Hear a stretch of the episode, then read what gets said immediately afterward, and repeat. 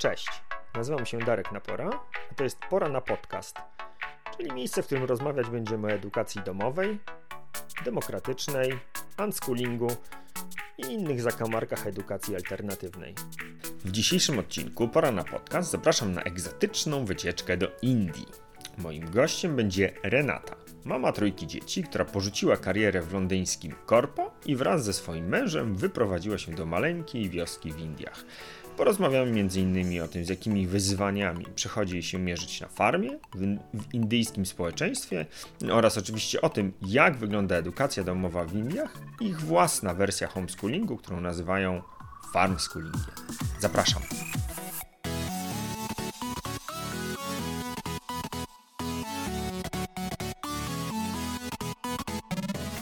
Po pierwsze, zacznę trochę inaczej niż zwykle, bo pierwsze pytanie to oczywiście będzie, co u ciebie żywe, ale chciałem skomentować w ogóle, że pierwszy raz w życiu muszę dostosowywać porę spotkania do monsunu i jest to dość egzotyczne doświadczenie. Jak tegoroczny monsun zatem i co u ciebie żywe?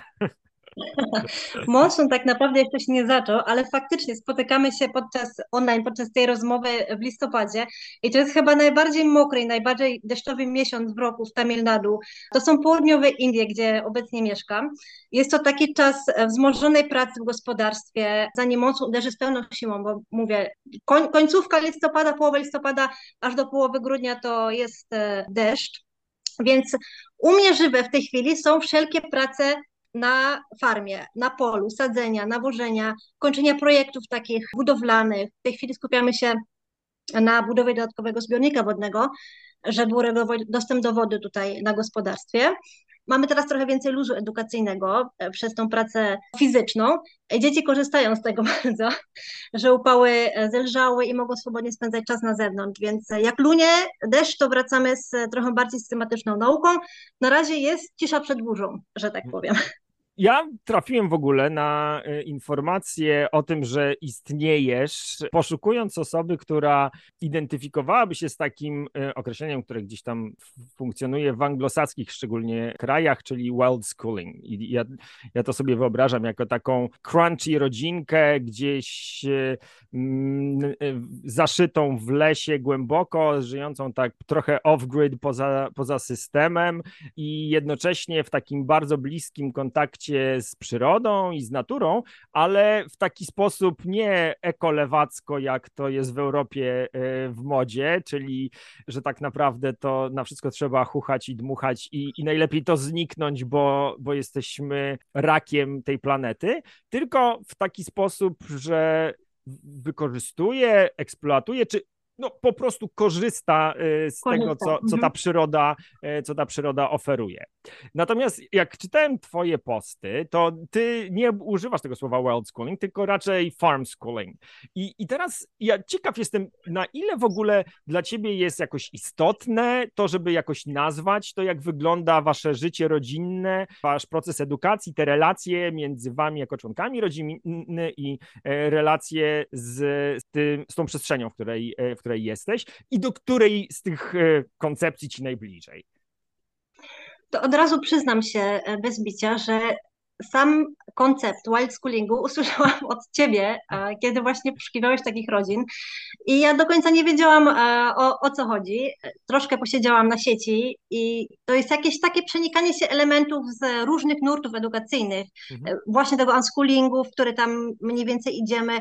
Pojawiają się tam szkoły leśne, e, jakaś permakultura, która też u nas na farmie zresztą występuje, Charlotte Mason, Waldorf, Earth Schooling, no wszystko generalnie się przeplata i w międzyczasie jest ugruntowane i przypieczętowane właśnie takim kontaktem z naturą, cyklicznością czy sezonowością. Natomiast e, farm schooling to jest e, taka moja wersja.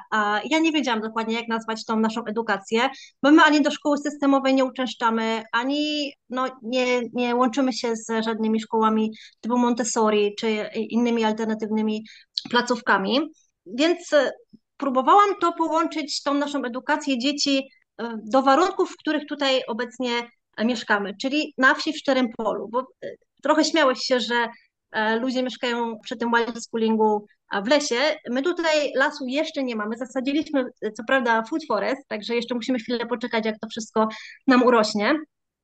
I wprawdzie mamy jakieś tam podręczniki szkolne, z których mniej lub bardziej korzystamy, ale kładziemy nacisk na umiejętności praktyczne i wplatamy zabawę w aktywności, żeby to było no fajne, żeby to się przyjmowało w sposób naturalny. To wszystko, co dzieje się dookoła tutaj gospodarstwa. I dam prosty przykład. Dzieci, też wiadomo, że e, wszystko musi być dostosowane do wieku, a ja mam trójkę, 8 lat, 6 i, i 3, i 3, 3 latka. Zbierają na przykład warzywa i owoce, e, które uprawiamy, także oni są tutaj już, jakby kontakt e, z ziemią mają, wiedzą jak i co uprawiać, a potem robią z tego różne potrawy, a, czy wiadomo, jakieś tam odmierzanie, matematyka, jak przygotować, a w ogóle jeszcze zanim do tego dojdzie, to przygotują kompost, wiedzą jak z takich naturalnych składników właśnie korzystać, żeby większość rzeczy była no, bez, bez takich sztucznych nawozów. Ugotują to na przykład rozpalając ognisko, czyli tutaj a, ja też mam taki background trochę harcerski, byłam bardzo długo harcerką, więc ja tam hop, siup, wplatam to, co pamiętam. I oni właśnie przez e, takie no, praktyczne umiejętności uczą się tego, co oczywiście w miastach byłoby e, łatwiejsze i szybsze, e, włączyć kuchenkę gazową i zagotować wodę, a im to sprawia fan, bo nie dosyć, że są w trójkę, to mogą połączyć też takie elementy jak komunikacja, team building, praca zespołowa, więc naprawdę wiele, wiele tutaj aspektów się przewija i to jest fajne, bo no, nie sądzę, żeby w takiej systemowej szkole był czas i miejsce na to, żeby takie no niecodzienne umiejętności e, znalazły się w programie. Mhm. No i e, cała masa praktyki, tak. No właśnie, wiesz co, bo ty na koniec powiedziałaś, że to są niecodzienne umiejętności, a właśnie fajne jest to, że, że w waszej sytuacji to są po prostu codzienne umiejętności, no nie? I, i jasne, że jak myślę sobie o dzieciach mhm. w warszawskiej, poznańskiej e, czy delijskiej szkole, to pewnie nie są to dla nich e, codzienne umiejętności, natomiast mhm. E, u was, w waszej sytuacji, no to jest jakby część tego, tego ekosystemu, w którym funkcjonujecie i one są, no, można powiedzieć, niezbędne do takiego codziennego funkcjonowania funkcjonowania, no nie? Zgadza się. Ja bym powiedziała też, że dzieci wchłaniają to jak e, gąbka wodę. Nawet tego mhm. nie zauważają, że, że coś się dzieje, że się czegoś nauczyli. Mhm. A też e, kiedyś pokazywałam, jak dałam im taką majsterkę do zrobienia.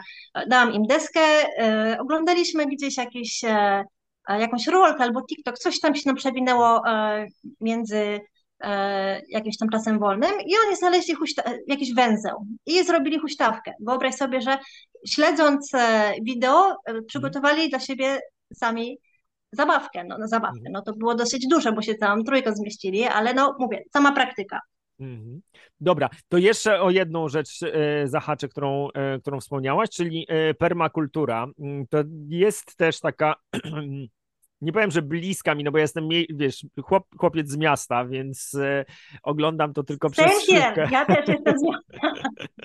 Natomiast jakoś bardzo mi się to fajnie e, łączy, zarówno z taką e, no nie wiem, jakimś tam ideałem e, tego, jak ja sobie wyobrażam relacje dorosły-dziecko, ale też człowiek-natura.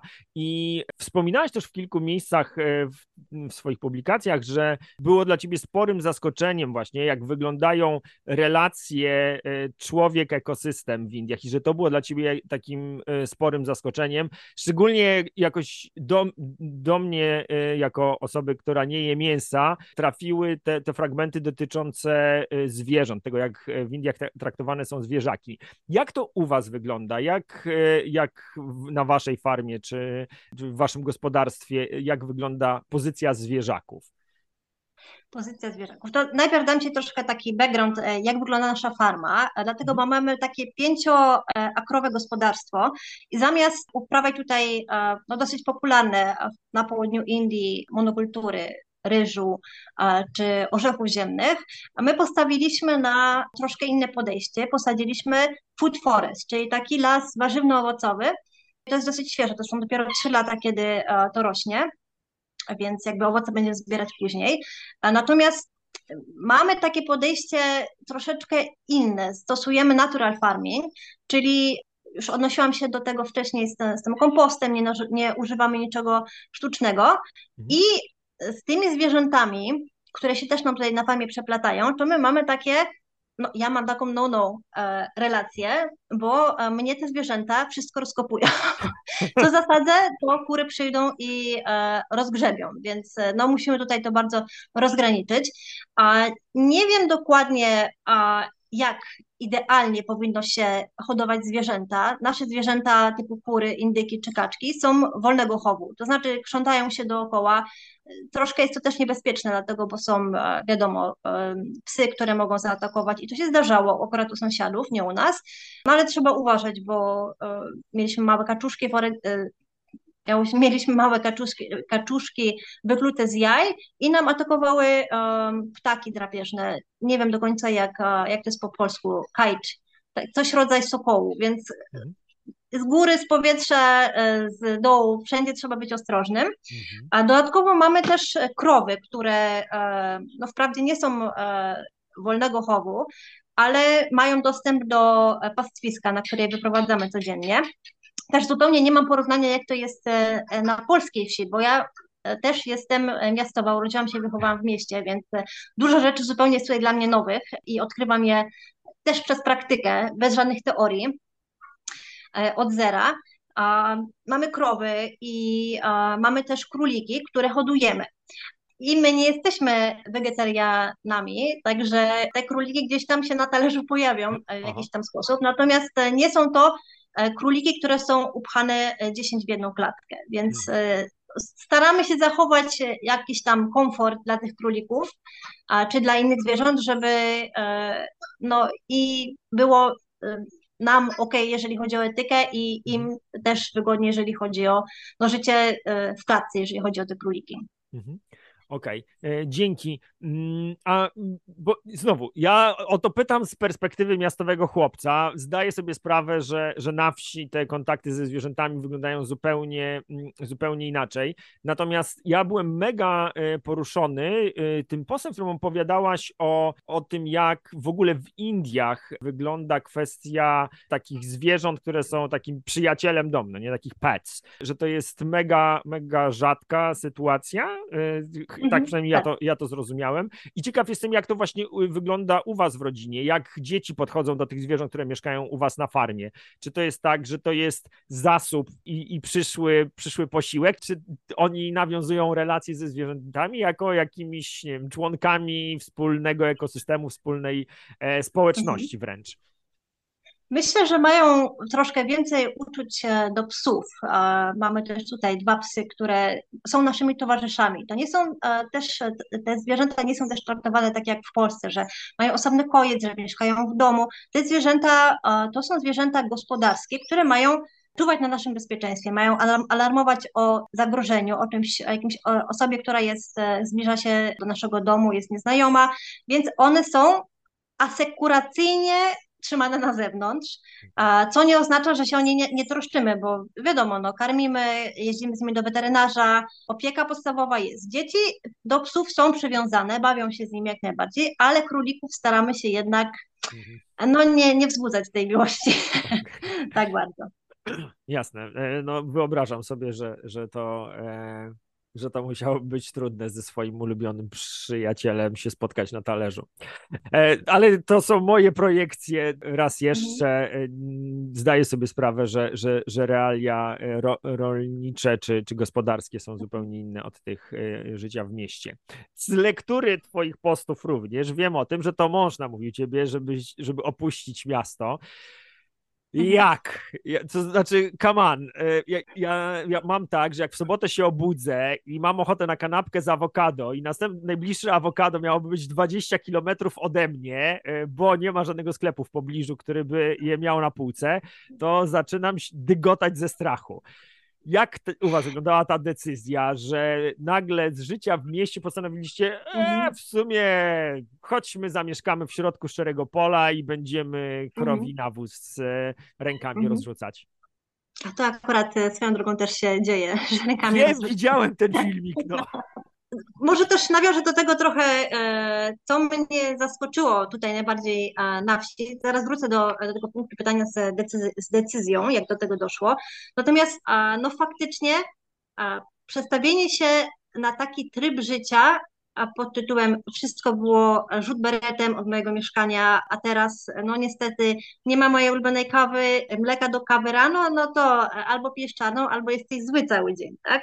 Z drugiej strony też przedstawienie się na coś takiego jak um, nie wszystko jest dostępne na wyciągnięcie ręki, albo po co kupować w sklepach, skoro natura daje tobie tutaj pod nosem My w tej chwili e, na przykład zmiotki do zamiatania podłogi robimy sami, wyplatamy koszyki, także naprawdę jest masa rzeczy, które jest pod nosem, a które miasto przyzwyczaiło nas do tego, że trzeba kupić. To był jakby największy przeskok dla mnie, jeżeli chodzi o przeniesienie się tutaj. A co do tej decyzji przeniesienia się, no to my z miasta uciekliśmy w 2019 roku. I dokładnie stopnęło nam już 3 lata jak tutaj jesteśmy. I ta przeprowadzka w ogóle okazała się takim jakby zbawieniem, bo decyzję podjęliśmy zaraz przed pandemią. Więc e, e, będąc e, właściwie w szczerym polu, w dziczy, ta pandemia nas nie dotknęła i my w ogóle nie odczuliśmy czegoś takiego jak lockdowny, nic takiego się nie zdarzyło, więc to w ogóle super. Ale no też nie było łatwo, bo mąż namawiał mnie do podjęcia tej decyzji i myślę, że dobrych pięć lat.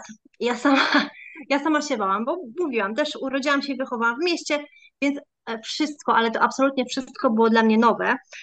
I to chyba też, że e, musiałam się sama nauczyć wielu rzeczy tutaj, było dla mnie wielką pomocą w tym, czego uczyć dzieci. Więc to się bardzo fajnie przeniknęło, bo wiadomo, jak e, na przykład mamy uprawę orzechów, ja nie mam pojęcia, jak to działa, a dzieci obserwują. Wiadomo, dzieci, dzieci jak gąbka, chłoną wszystko. Ja muszę tutaj się e, wysilić, żeby złapać co i jak. One już hop, więcej umieją ode mnie. Także no na pewno dla nich na plus e, takie przedstawienie się tutaj, ale e, też była mi potrzebna wiedza, a jak to wszystko jest tutaj lokalnie, bo o ile no, powiedzmy lekcje biologii czy geografii, ok, teoria jest bardzo fajna w polskiej szkole, ale realia tutaj zwierząt, życia e, wśród, nie wiem, jadowitych węży albo skorpionów, no to jest zupełnie coś innego. Druga strona medalu, więc e, naprawdę trzeba wiedzieć, jak się bezpiecznie tutaj e, zachowywać i, i sama wszystkiego uczyłam się od zera. To było super. Robiliśmy lekcje i dla mnie, i, i dla dzieci. To wszystko się bardzo fajnie przeplatało. Ja bym to nazwała taki kontrolowany freestyle edukacyjny i dla mnie, i dla dzieci. Ta decyzja, decyzja dojrzewała w ogóle kilka lat i chyba takim gwoździem do trumny była nasza sytuacja zawodowa. My oboje z mężem mieliśmy bardzo dobre prace w korporacjach. Byliśmy w tym czasie w ogóle w Wielkiej Brytanii, więc e, no, pieniądze inne, wartość e, życia, standard życia też zupełnie inny, ale niestety nasz czas rodzinny bardzo kulał. I to tyle stresu nas e, to kosztowało, że to szkoda gadać. Teraz może nie jest idealnie, no ale jest po naszemu i chyba o to nam najbardziej chodziło. Okej, okay. czyli usłyszałem, że to było tak, że ta decyzja y, w ogóle nie była podjęta w Indiach, tylko wtedy byliście jeszcze w Wielkiej Brytanii, tak? Ja dobrze Ciebie zrozumiałem? Mój mąż podjął decyzję bardzo dawno temu, Aha. zajęło mu to bardzo dużo czasu, żebym ja też zrozumiała, że to jest moja decyzja włącznie.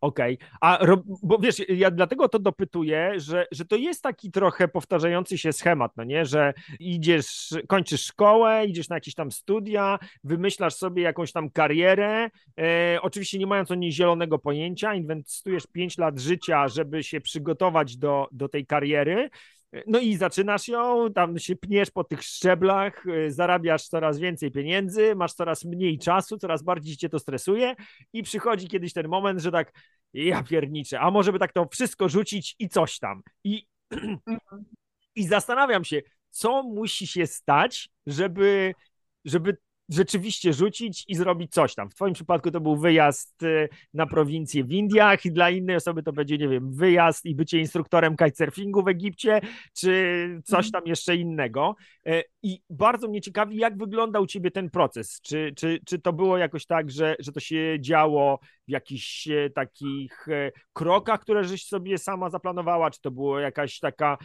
spektakularna sytuacja, która przesądziła o tym, że podjęliście tę decyzję, Myślę, że stres pracy, pędzenie, mieliśmy e, oboje pracę, którą musieliśmy naginać. ja odwoziłam dzieci do przedszkola, żeby się z nimi nie widzieć cały dzień. Mąż skracał wcześniej pracę, żeby tylko odebrać dzieci przed tym, jak zamkną przedszkole. No, tyle napięciu i stresa, stresu, co doświadczyliśmy, no to no nie warte to jest wszystkiego. Mhm. I faktycznie teraz, jak jesteśmy tutaj e, na wsi, blisko natury, to ja czuję, że to jest taki, no to jest takie dobro luksusowe, że jedynym największym zmartwieniem, które w tej chwili mam, to jest co ugotować na obiad. Mhm. Także no polecam taką radykalną zmianę. Mhm. E, ale to nie działo się tak e, też z dnia na dzień, bo e, byliśmy wtedy w Wielkiej Brytanii i wiadomo, i bilety trzeba kupić, i cały dobytek zabrać e, w walizkach, zmienić znowu kulturę, mieć ponownie szok kulturowy z Europy do Indii, z Indii do Europy, takie podróżowanie w kółko też, też troszkę gmatwa w głowie. No ale jak tutaj już jesteśmy, to myślę, że warto było.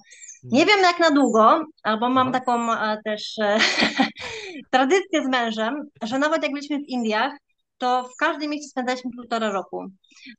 Zmienialiśmy pracę, czy zostaliśmy delegowani do innej placówki i zawsze to było półtora roku. Wielka Brytania półtora roku. Teraz jesteśmy trzy lata, więc e, boję się, że zaraz coś wybuchnie. Okay. Ale zobaczymy. No, może będzie e, na dłużej. Przynajmniej tak liczymy, że e, no, jeszcze z pięć lat tak spokojnie, żeby to wszystko się ustabilizowało i, i, i wtedy zobaczymy. Mhm. A powiedz mi, a jak dzieci e, zniosły tę te, te, te zmianę kulturową i, i przejazd do no tak bardzo innego miejsca na świecie? Mhm. Dzieci to były maluchy, kiedy się przeprowadzaliśmy. Najstarszy miał 5 lat, więc ani tam jakieś wielkie przyjaźnie nie były zawiązane, ani jakieś relacje z sąsiadami, z osobami ze szkoły czy z przedszkola, bo oni wtedy też chodzili trzy miesiące do szkoły do, e, do zerówki. Najstarsza do zerówki, a młodsza chodziła tam do e, żłobka, to się chyba nursery. Mhm. A więc łatwiej nam było ich wyciągnąć wtedy, kiedy się nie zbuntują. Nie chcę tego brzydko też nazywać, ale wiadomo, że w pewnym wieku dzieci i podróżowanie są troszeczkę bardziej elastyczne niż na przykład nastolatkowie, którzy powiedzą, ja się stąd nie ruszam. Więc to był taki okres, że no teraz albo nigdy i jesteśmy, no. Jasne, tak. Ja e, właśnie e, wchodzę powoli w ten etap, kiedy moje dzieci nawet na wakacje nie chcą wyjeżdżać, bo oni sobie wolą zostać w domu ze znajomymi.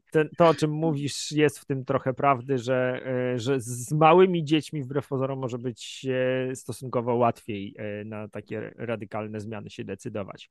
Przechodząc do dzieci właśnie, bo powiedzieliśmy już o tej waszej rodzinnej historii i jak, jak to wyglądało, że dotarliście do Indii, a teraz chciałbym, żebyśmy chwilę odpłynęli w tą drugą gałązkę e, waszego rodzinnego życia, czyli szeroko pojętą edukację. Kilka razy napomknęłaś, tam był unschooling, ale pojawiły się też jakieś książki i jakaś struktura, więc e, Raz jeszcze e, chciałem Ciebie zapytać o to, czy identyfikujesz się z jakąś taką koncepcją edukacyjną? Jak wygląda ten wasz unschooling, homeschooling, mhm. edukacja domowa? Mhm. E, nakreślić troszeczkę podłoże edukacji e, w Indiach, jak to wygląda tutaj, bo e, tutaj jest bardzo duże ciśnienie na zdobywanie papierka dla papierka i jest to dosyć specyficzne, bo presja wychodzi nie tylko od najbliższych członków rodziny, od babci, wujków, cioć, ale też od sąsiadów, jakichś tam znajomych, znajomych, znajomych, to się po prostu ciągnie. Zresztą to jest jeden wielki biznes, jeżeli chodzi o Indię, edukacja, bo szkoły są um, prywatne i jest wczesne, więc naprawdę jest e, e, potrzeba, znaczy potrzeba. E, szkołom zależy, żeby uczniowie chodzili do tej szkoły. Wiadomo, no, pieniądz sam się nie zrobi, więc to jest jedna taka rzecz, którą chciałabym nakreślić. A, a druga rzecz jest taka, że um, ja osobiście będąc gdzieś tam na indyjskich e, placach zabaw, ja byłam e, nie bezpośrednio nagabywana do jakiej szkoły ja moje roczne dziecko zapiszę, którą szkołę wybrać, e, jaki tutaj profil klasy i tak dalej, i tak dalej. I mnie to się w głowie nie mieściło, że osoby tutaj z Indii wariują tak bardzo na punkcie edukacji, że będąc, załóżmy, nie wiem, mając malucha e, rocznego, już zapisują do przedszkola, żeby tylko trzymać miejsce, bo później może ich nie być. Tutaj też jest przeludnienie, więc e, no, trzeba o tym pamiętać. Przenieśliśmy się tutaj na tą farmę. Ja w ogóle ten koncept szkoły, zresztą ja sama jestem z systemowej szkoły, więc e, na początku było to dla mnie dosyć oczywiste, że dzieci też pójdą do szkoły, ale po tym jak mnie tutaj przemaglowały te mamy na placach zabaw, to stwierdziłam, że musimy troszkę, musimy troszkę iść w inną stronę i po rozmowie z mężem, który jest indusem, i który też jest z systemowej szkoły. On też jest z, tej, z tych czasów presji. Porozmawialiśmy i okazało się, że on powiedział, że on nie chce tego zafundować swoim dzieciom. Że on chce mieć dzieci radosne, nie e, płaczące ze stresu, że jakiś egzamin tam się pojawia, że trzeba się coś tam na pamięć nauczyć bez zrozumienia, że nie ma w ogóle zajęć praktycznych. Więc po rozmowie z nim ustaliliśmy, że przyjedziemy na farmę i zobaczymy, jak nam się wszystko ułoży.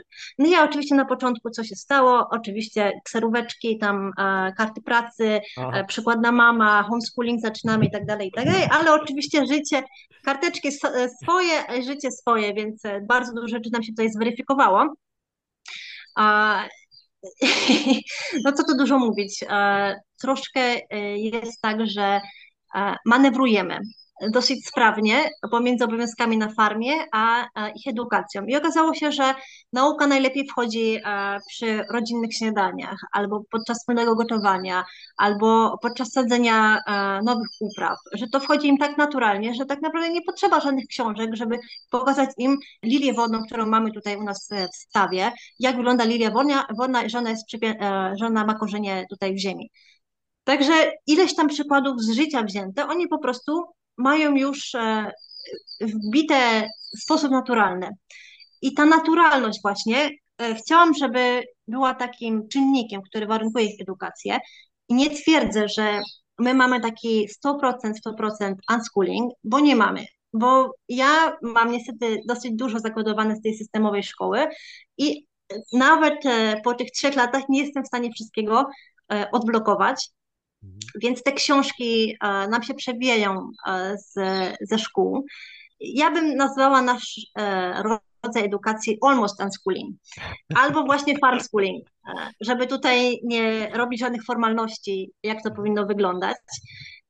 Zresztą sam wiesz, jesteś z alternatywnej edukacji, prawda? Ty jesteś mhm. w szkole um, wolnościowej, demokratycznej, mhm. jeżeli dobrze kojarzę, tak. tak?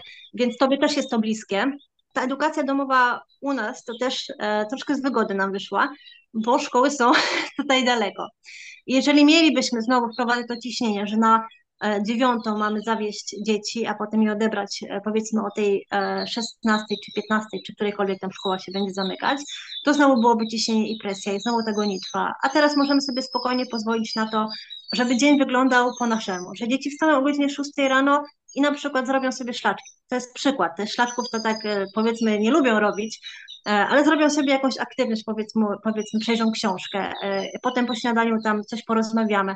I to wszystko idealnie nam się wkłada w taką swobodę nauki, czego ja nie doświadczyłam, a mam nadzieję, że dzieci później docenią. Zresztą z tym docenieniem to ja zostałam wiele razy zapytana właśnie przez osoby, które mnie siedzą w mediach społecznościowych, jak to jest, Renata, że ty e, prowadzisz tą edukację domową, a jak dzieci później ci powiedzą, że one są niezrozpaczone, tylko oni to użyli takiego słowa zawiedzione, zawiedzione. że nie przygotowałam ich na przykład do zawodu lekarza. Ja mówię, że jeżeli zdecydują się dzieci zostać lekarzem, no to z Bogiem sprawa, bo wiemy, jak do tego zawodu dojść, co trzeba się nauczyć, jakie uczelnie skończyć. Gorzej, jak oni mi powiedzą, że chcą być, powiedzmy, TikTokerem. Teraz daję taki przykład, bo powiedzmy, pięć lat temu TikTok was, w ogóle był nie, e, nieznany i to jakby wybuchło niedawno. I co jeżeli na przykład za 10 lat wybuchnie inny TikTok i oni powiedzą, że chcą być e, w tym zawodzie. Ja mówię, no dobrze, no ale e, musisz się wtedy nauczyć jakby sam. I tej samodzielności nauki, takiego pociągu do tego, czego oni się chcą naprawdę uczyć, a nie kopiowania książek, mhm. teoretyki, e, teorii, e, tego, co jest e, no, faktycznie w połowie nam niepotrzebne później do, do życia, żeby oni sami z siebie wybrali i co chcą robić, i jak do tego dojść. Także no, samodzielność Boże, przepraszam, zgubiłam e, pytanie. Nie, nie pamiętam, czy odpowiedziałam na pytanie. Trzeba, w miarę odpowiedziałaś, a już mam zaraz kolejne pytanie. Tylko e, jeszcze w kwestii, małą przerwę techniczną. E, czy to jakieś ptaszki ćwierkają koło ciebie tak bardzo głośno? Bardzo głośno, tak. A i to jak, jak zaczynasz mówić, to, e, to jest słychać. A co to za ptaki? To wasze gospodarskie, czy jakieś z zewnątrz? Ptaki. Ptaki z zewnątrz. Wow, naprawdę e, czuć wiosnę w powietrzu, mimo że, że u nas szaro i ponuro. No, no, nie sięgnę do nich tam. No, muszą się same uciszyć. Spoko, nie, nie, nie, totalny, totalny luz. E, słuchaj, bo e, e, w tym, o czym mówiłaś, chciałem jeszcze tylko dopytać o, o jedną rzecz, bo to jest wasza rodzinna perspektywa i tutaj jakby czuję, że temat jest wyczerpany i, i, i chyba większość osób ma jasność, jak to wygląda. Natomiast jak to wygląda od strony formalnej w Indiach? To nie wiem, spełnianie obowiązku nauki poza szkołą, czy jest w ogóle obowiązek nauki w Indiach, czy jak, jak zorganizowana jest edukacja domowa od tej strony formalno-prawnej, czy coś musicie robić, macie jakiś kontakt ze szkołą, nie wiem, z jakimś kuratorium lokalnym, jak to wygląda? Mhm. Edukacja domowa, czy jakkolwiek nazwiemy unschooling, homeschooling, dopiero w Indiach raczkuje. To powiedzmy sobie szczerze.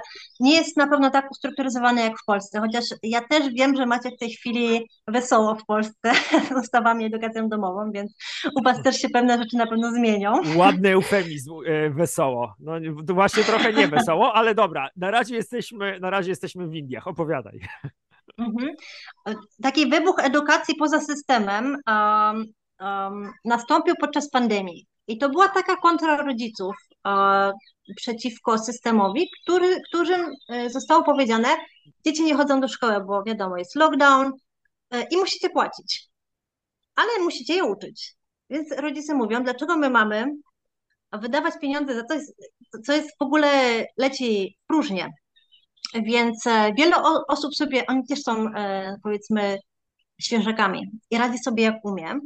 A, a sam rząd e, jeszcze się za to dokładnie nie zabrał. To znaczy jest wzmianka o tym, że prawo do edukacji dziecko ma i musi być przestrzegane, czy to systemowo, czy w innej formie. I ta inna forma jakby homeschooling podbiega pod tą inną formę, czyli nie jest zakazany. Hmm. Jeżeli nie jest zakazany, no to wiadomo, że to jest taka szara strefa, rodzice bardzo chętnie tutaj uciekną w to, mhm. ale mówię, no homeschooling dopiero raczkuje. Jest coś takiego jak, tutaj generalnie jest 12 klas i dopiero po 12 klasach można iść na studia i są dwa bardzo ważne egzaminy. E, egzamin klasy 10, egzamin klasy 12, który punktacją upoważnia cię do startowania na wyższe uczelnie.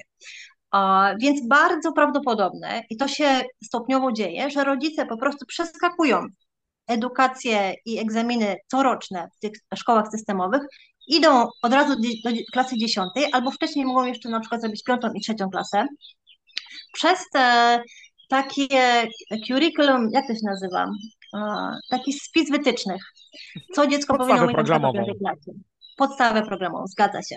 Więc e, dużo rodziców idzie tak, że ucieka na przykład tylko do 10, do 10 klasy, a przez to nie jest nawet taki online um, education, to jest um, My, dam, przykład e, nasz. E, my troszkę podpięliśmy się pod NIOS, to jest National Institute of Open Schooling in India i oni to, oni to są zatwierdzone placów, placówki. To są zatwierdzone instytucje, w których można zdać egzamin klasy 10 lub 12. Tutaj też e, w Indiach jest bardzo dużo e, analfabetów albo osób, które nie pokończyły na przykład klasy 10, 8, 7, którejkolwiek, więc to jest dla nich jakby furtka taka, która umożliwia im podejście do egzaminu, będąc e, osobą już dorosłą na przykład. Mhm. I oni wcale nie muszą walczyć o to, żeby iść na wyższe uczelnie, ale na przykład podejście do egzaminu klasy 10 upoważniacie do zdawania na prawo jazdy.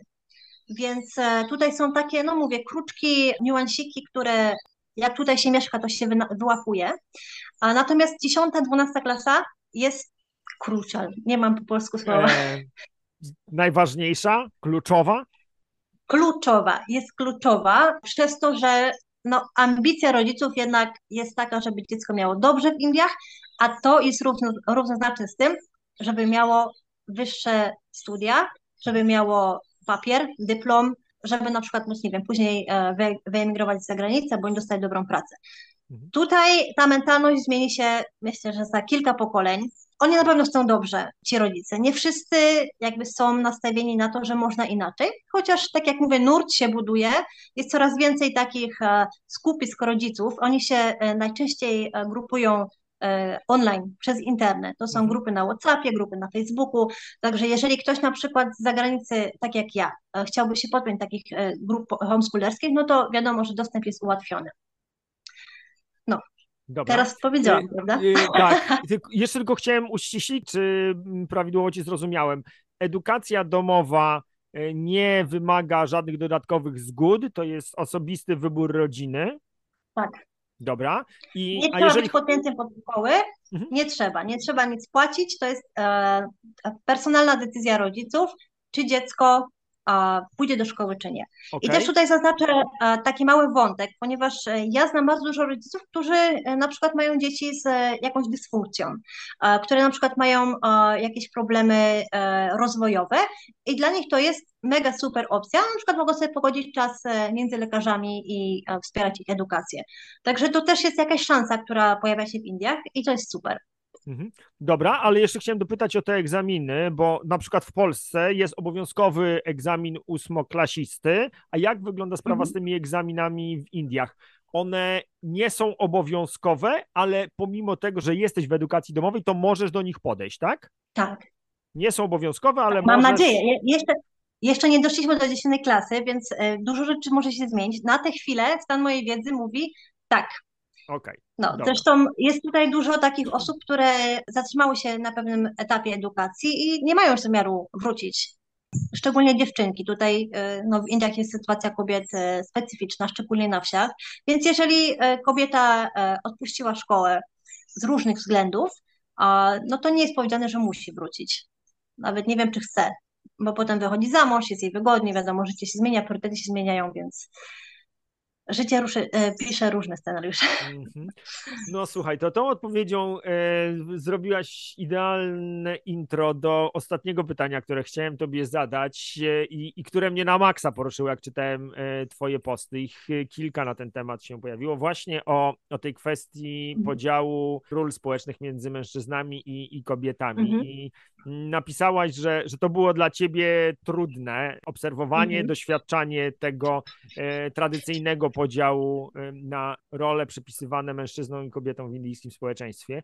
I chciałem się zapytać, jak to w tej chwili wygląda, zarówno e, dla ciebie osobiście, jak i dla twoich dzieci. Jak, jak sobie z tym radzicie? Czy, czy mhm. próbujesz jakieś takie europejskie trendy w, u siebie w rodzinie kultywować, czy wpisujecie się w te występujące w Indiach? Podział ról społecznych i płciowych w Indiach to jest w ogóle temat bomba, bo społeczeństwo Indii jest bardzo mocno patriarchalne. Generalnie dziewczynki tutaj w Indiach naprawdę muszą więcej, muszą więcej się uczyć, muszą więcej się starać, muszą więcej umieć.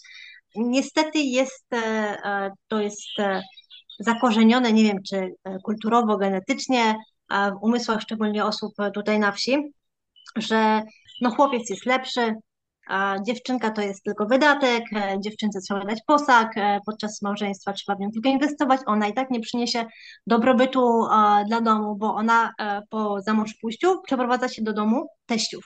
Więc myślę, że zmiana nie nastąpi szybko. Ja sama doświadczyłam też no, dosyć trudnych momentów tutaj, kiedy mężczyźni odwiedzający nas czy sąsiedzi, czy ktokolwiek, no nie chcieli ze mną rozmawiać. Albo nie byli w stanie zrozumieć, że kobieta może mieć rację. Nieraz odwracali się do mnie plecami, jak do nich mówiłam. I to nie, nie chodzi tylko o kwestię językową, bo e, większość ludzi tutaj, nie mówi po angielsku, mówią po tamilsku, w którym e, ja to języku kuleję, mhm. ale potrafię się dogadać. Więc e, no przykre jest to, że wykształconą kobietę nie są w stanie potraktować jako partnera. I całe szczęście, że mój mąż jest inny. My jesteśmy partnerstwem w małżeństwie i my pokazujemy, znaczy mam nadzieję, że dzieci to też wchodzą, że Aha. tak małżeństwo może wyglądać, że się wspieramy, że e, słuchamy siebie nawzajem i, i że wcale nie trzeba robić jakichś podziałów typu sztucznych podziałów na dziewczynka musi być e, zmywać naczynia, a chłopiec może siedzieć i e, odpoczywać. No my traktujemy dzieci mam trójkę dzieci, przypomnę. Mamy dwóch chłopców i, i jedną córkę. traktujemy ich na równi. Jak e, jest powód do e, skarcenia, karcimy. Jak jest powód do poklepania, klepiemy po ramieniu. Czy to chłopiec, czy dziewczynka, naprawdę u nas to nie ma znaczenia. Natomiast troszkę się obawiamy, że o ile u nas dzieci mają bezpiecznie i że wyniosą takie wzorce europejsko-indyjskie, bo nasza rodzina jest no, mieszanką. No, nie da się ukryć, że nigdy nie będzie całkowitej przewagi polskości albo całkowitej przewagi Indii w wychowaniu. To my się trochę boimy tego, że jednak ten świat zewnętrzny troszkę ich tam e, otrzeźwi. Mhm. Na pewno spotkają się z taką sytuacją poza domem, e, gdzie no, te nierówności wyjdą. I do tego czasu mamy nadzieję, znaczy ja zrobię wszystko, żeby moje dzieci były na tyle pewne siebie, na tyle samowystarczalne, na tyle zaradne, żeby umiały sobie z tym poradzić. Bo my jesteśmy tutaj piątką osób, a ile jest y, Indusów? Miliardy. Także hmm. ciężko jest przetoczyć taki koncept rodziny na większą skalę, no ale warto hmm. zacząć od, od zarodka. Mam nadzieję, że y, nasionka, jak to się mówi, czego jaś, nie, nie, nie, coś tam było, że znaczy jest opowiedzonko, czego ja się nie nauczy, tego Jan nie będzie umiał, ale tutaj w drugą nie, stronę, coś... czego, co się nauczą to tak, tak, Jasie, tak. to y, Janki będą to miały. I, a pewnie tak. to by chodziło o tą skorupkę, co za młodu nasiąknie. Tak, tak, tak, tak, tak, dokładnie o to mi chodziło. Także niech skorupka nasiąka i będzie dobrze. Hmm. Słuchaj, bardzo, bardzo, bardzo Tobie dziękuję za to, że poświęciłaś ten cenny bardzo czas przed, e, przed porą monsunową na to, żeby ze mną porozmawiać. To była naprawdę mega, mega fascynująca przygoda dla mnie posłuchać Twojej opowieści i e, jestem przekonany, że dla osób, które właśnie są w tym stadium, że kurczę, chcielibyśmy coś zmienić, tak trochę no, zaczyna nas uwierać to, to miastowe życie, Wasza historia będzie mega inspiracją, e, więc ogromna ogromna wdzięczność. I na koniec gdybym Ciebie mógł jeszcze poprosić o to, żebyś powiedziała, gdzie można znaleźć więcej informacji o tym, jak wygląda Wasze życie rodzinne i praca e, na farmie. Działamy dosyć prężnie e, w mediach społecznościowych. Jest to z całą pewnością Instagram, No Problem in India. Teraz weszliśmy też na YouTube, ale zobaczymy, jak to się wszystko potoczy. Wiadomo, czas jest e, um, dobrem nieodnawialnym oraz na Facebooku, dokładnie to sama nazwa No Problem in India. A, zresztą ja mam bardzo fajną społeczność, która też podgląda, jak żyjemy i wymieniamy się bardzo e, często e, doświadczeniami bo są to osoby, które mieszkają w różnych krańcach świata, nie tylko z Polski. A, także no, jak chcecie złapać kontakt online, to bardzo proszę, bardzo fajne doświadczenia.